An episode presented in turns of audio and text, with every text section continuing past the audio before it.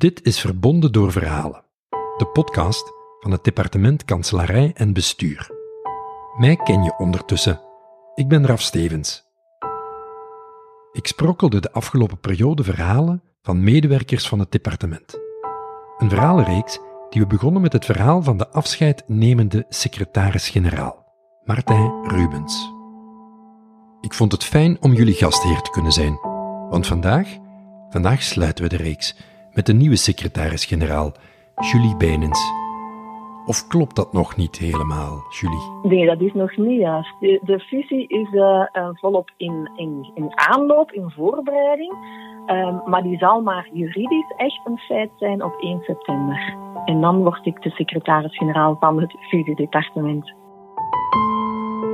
Ik ben Julie Bijnens. Ik ben uh, sinds september 2018 de secretaris-generaal van het departement Buitenlandse Zaken. En sinds januari van dit jaar ja, de transitiemanager, zoals we dat hebben gedoopt, voor de fusie van uh, de beleidsdomeinen en naar binnen van het departement Kanselarij en Bestuur en Buitenlandse Zaken. Dat is een hele opdracht die bij mij ligt. Het is een beetje bijzonder voor mij, omdat het uh, de laatste aflevering is ja, in toch wel een mooie lange reeks. Ik weet niet of je enkele van uh, de verhalen of podcast-series kunnen beluisteren hebt. Ja, ja, ja, ik heb dat zeker gedaan. Ik ben uh, zeker naar de verhalen van de collega's gaan luisteren. Ja, ik moet zeggen, ik heb mijn best gedaan de afgelopen maanden en weken om heel veel collega's ook van kanselarij en bestuur te leren kennen. Maar het klopt hè, dat, dat een aantal mensen um, soms nog niet helemaal op de radar staan. Je hebt ze wel in een groep gesproken, al is heel kort apart. Maar dit zijn inderdaad momentjes om hun verhaal eens dan meer te horen en eens te horen hoe zij de zaken beleven. Vandaar dat ik echt de tijd heb genomen om, uh, ja, om eens, om eens naar hen te luisteren. Ook eens om te kijken waar zij nu mee bezig zijn. Dus dat was wel fijn. Een van de zaken die ik zelf ook het meeste mis nu met het hele thuiswerk, is vooral de, de gesprekken en de contacten die je hebt, los van, laten we zeggen, de agenda hè, van het overleg. Ik had vroeger heel vaak, en ik, ik liep geregeld rond op de werkvloer, um, van die nu ik het toch zie momentjes. En ik mis enorm mijn nu ik toch momentjes. Want dat waren vaak hele kleine dingen of korte dingen waar je dan toch nog uh, iets in kwijt kon of een vraag kon stellen of iemand ergens attent op maken. En dat je gewoon ook meekreeg hoe het met mensen gaat. En ja, die tijd die, die, die vinden we veel minder in, in dat formele overleg dat we nu toch vaak het ene na het andere plannen. Dus ja, nee, ik, ik, ik moet zeggen dat is inderdaad wel iets wat ik een meerwaarde vind en wat we vandaag de dag wat minder doen. Maar we proberen dat in de praktijk um, heel erg uh, aandacht voor te hebben door collega's ook contact te laten zoeken, veel met elkaar te laten overleggen, uh, met elkaar te laten bellen. Ook al is er niet meteen een, een direct een agenda. En bijvoorbeeld door de grote personeelsvergadering die we een tijd terug hebben georganiseerd, daar ook informele kamertjes aan te koppelen waar mensen ook eens gewoon met elkaar kunnen praten en eens horen hoe het gaat. En ook over onderwerpen zoals, ja, hoe, hoe beleef je dat nu? Wat mis je? Hoe, hoe, gaan jullie om met kinderopvang en thuiswerk? Wat zijn jullie ervaringen? Dus er ook echt wel in de praktijk wat tijd te maken om dat op de agenda te zetten. En ik probeer ook zelf als we een vergadering starten, toch ook altijd wel eens te polsen over hoe het met de mensen gaat. Want anders dan wordt het toch allemaal wel heel erg uh, ja, streng bijna. Hè? Ja. Heeft corona veel invloed gehad op je werkleven, Julie? Wel, dat was heel gemengd. Enerzijds was onze ochtend- en avondrush veel rustiger. Wij waren s'avonds ook veel vaker thuis. Bijna altijd natuurlijk. Ook al werkten we s'avonds nog wel, maar dat was anders. Dan deden we dat nu als de kinderen in bed lagen. Dus we zagen hen eigenlijk veel vaker. Uh, dat was heel fijn om ook die tijd te hebben. Maar anderzijds, toen ze nog niet naar de crash konden en ze waren fulltime thuis, was het eigenlijk onmogelijk om, om het werk goed goed te doen. Um, en heb je het gevoel dat je voor niemand voldoende aandacht hebt. Nog, nog voor je werk, nog voor je kinderen. En dat is toch wel erg frustrerend, vind ik. Dus op het moment dat, we, dat de crash terug open ging en we de kinderen naar waar konden brengen, um, namen we nog altijd de tijd, de ochtend en de avond, die we vroeger wat minder hadden. Uh, maar hadden we wel overdag die paar uren om goed door te doen. En ik denk dat dat iedereen wel wat gelukkiger heeft gemaakt. Dus ik heb echt enorm veel respect voor de mensen die uh, kinderen thuis en het werk hebben gecombineerd. Uh, ja, dat vind ik toch wel echt chapeau. Denk je dat we daar als maatschappij en jullie als organisatie dingen van gaan meenemen in de positieve zin van het woord? Ja, ik ben daar zeker van zelf. Um, en dat is echt omdat ik vind dat we dat moeten vasthouden, dit gevoel. En we mogen dat niet over drie maanden zeg maar een beetje vergeten zijn. En we zien wel of we er nog eens tijd voor hebben.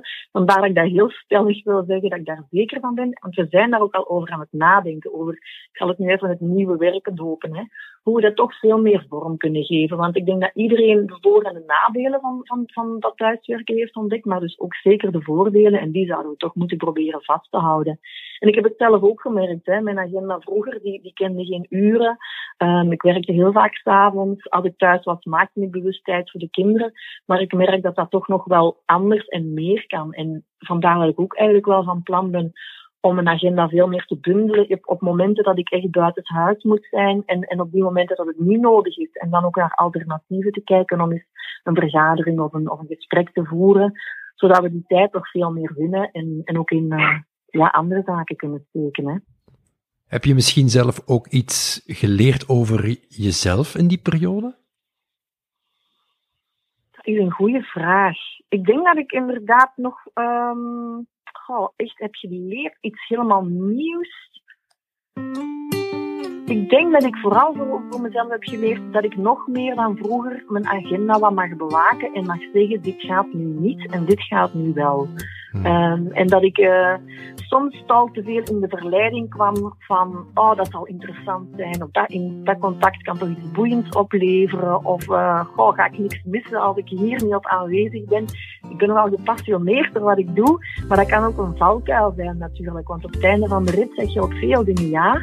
Um, en ik heb het de laatste jaren al wat minder gedaan, ook om die balans met mijn gezin te bewaken. Maar het thuiswerken heeft toch denk ik nog eens op scherp gesteld hoeveel zaken er echt te doen en welke niet.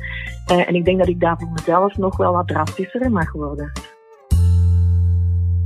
Als er iets is wat jou in zo'n periode ontspanning brengt, wat, wat zou je dan vooral noemen? Ja, ik denk dat het al wandelen is ja, dan gaan we wandelen. En dat heb ik ook heel vaak gedaan hoor. In, in, in de weekends, in de parken in de buurt. Um, veel gaan wandelen vind ik heel fijn. Dat en in bad gaan met muziek. dat is ook een, uh, een perfecte thuiswerkoplossing trouwens. Dus, uh, ja, daar geniet ik ook echt van. En ook mijn eigen momentjes. Um, heerlijk vind ik daar met wat jazzmuziek op de achtergrond en in uh, de avonden gewoon zelfs een glaasje wijn erbij. Ja, ja, dat durf ik echt te doen hoor. Ja, ja heerlijk. Absoluut. Django Reinhardt. Um, ja, de klassiekers ook echt. Hè. Bill Evans, Dave Brubeck, Sinatra. Dat mag allemaal de revue passeren.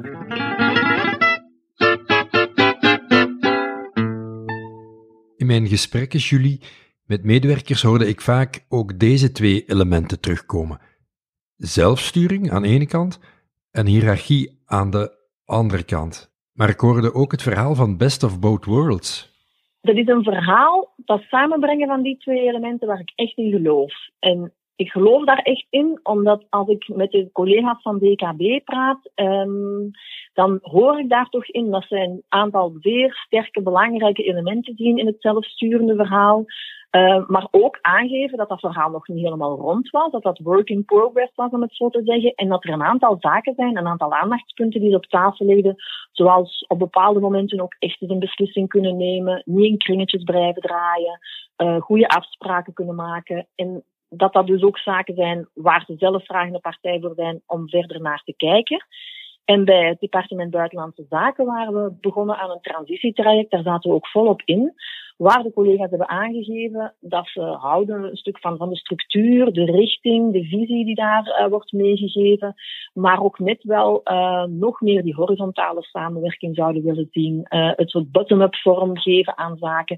En dat zijn voor mij echte signalen, als we die twee elementen kunnen samenbrengen en de sterktes van beide, ja, dan hebben we wel die best of both worlds. Dus ik denk echt dat we alle twee in een richting aan, aan het gaan waren die de organisaties naar elkaar laat toegroeien. En dat is voor mij ja, denk ik het, het, belangrijkste signaal op dat vlak. En dus de oefening om eens goed te kijken waar zijn de sterktes en de zwaktes in, in, in beide modellen, om het nu zo te zeggen, die gaan we op korte termijn doen. En ik denk dat we daar wel met een, met een heel mooi verhaal kunnen uitkomen.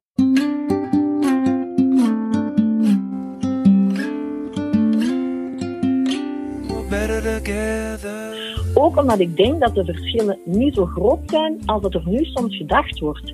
Binnen DKB zijn er al heel veel verschillende manieren om op dit moment aan die zelfsturendheid vorm te geven, is ook mijn indruk. Er zijn teams die al werken met een soort van teamcoördinator of iemand die toch op een of andere manier zo'n rol opneemt. En binnen het departement BUSA hadden we al een aantal structuren waar we, waar we inhoudelijk strategisch overleg pleegden met een groep collega's uh, die niet alleen leden waren van een directieraad, maar ruimer, waar ook experten kwamen, waar we echt als departement over elkaars muurtje heen keken en eens zien hoe we vanuit elkaars expertise een meerwaarde kon, konden betekenen in dossiers van anderen. Dus in die zin denk ik dat er, dat er één, de verschillen wat kleiner zijn dan dat de lijken. En twee, de richting die we uitgingen echt een richting is die stappen naar elkaar toe zet. Dus uh, ik geloof echt dat we daar iets van kunnen maken.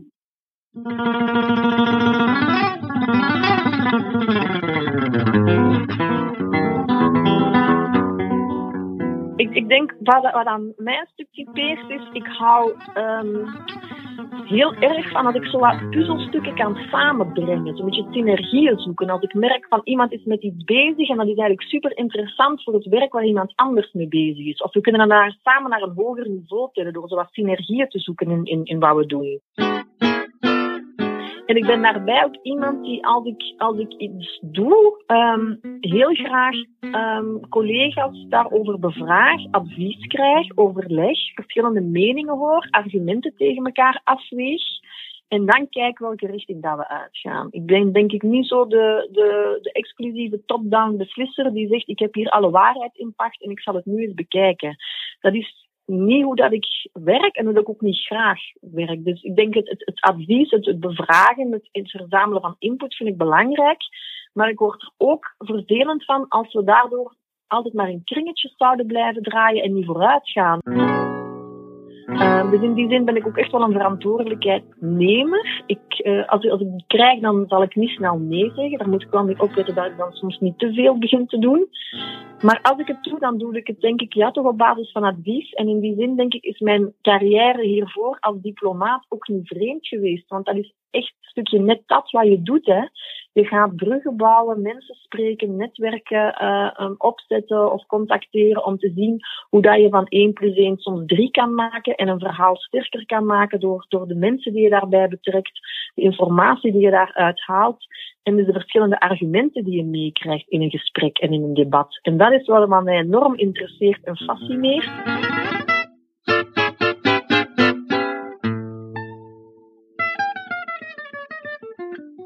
Ik denk, ik denk als, als het in een, in een privéomgeving is, een, een sociale context, vind ik het gewoon heel fijn om, om iedereen zijn verhaal te laten doen en te horen. Ik heb dat niet altijd de neiging van per se mijn eigen dingen op tafel te leggen, maar ik vind het ook prima als dan iemand anders dit beslissingen neemt of zo. Ik ben helemaal niet de figuur die vindt dat ik dat altijd zelf moet zijn. Integendeel, ik vind het wel heerlijk verfrissend op vakantie dat iemand anders is beslist waar dat we gaan eten of zo. Dus uh, nee, nee, vind ik, uh, vind ik ook geen must hoor.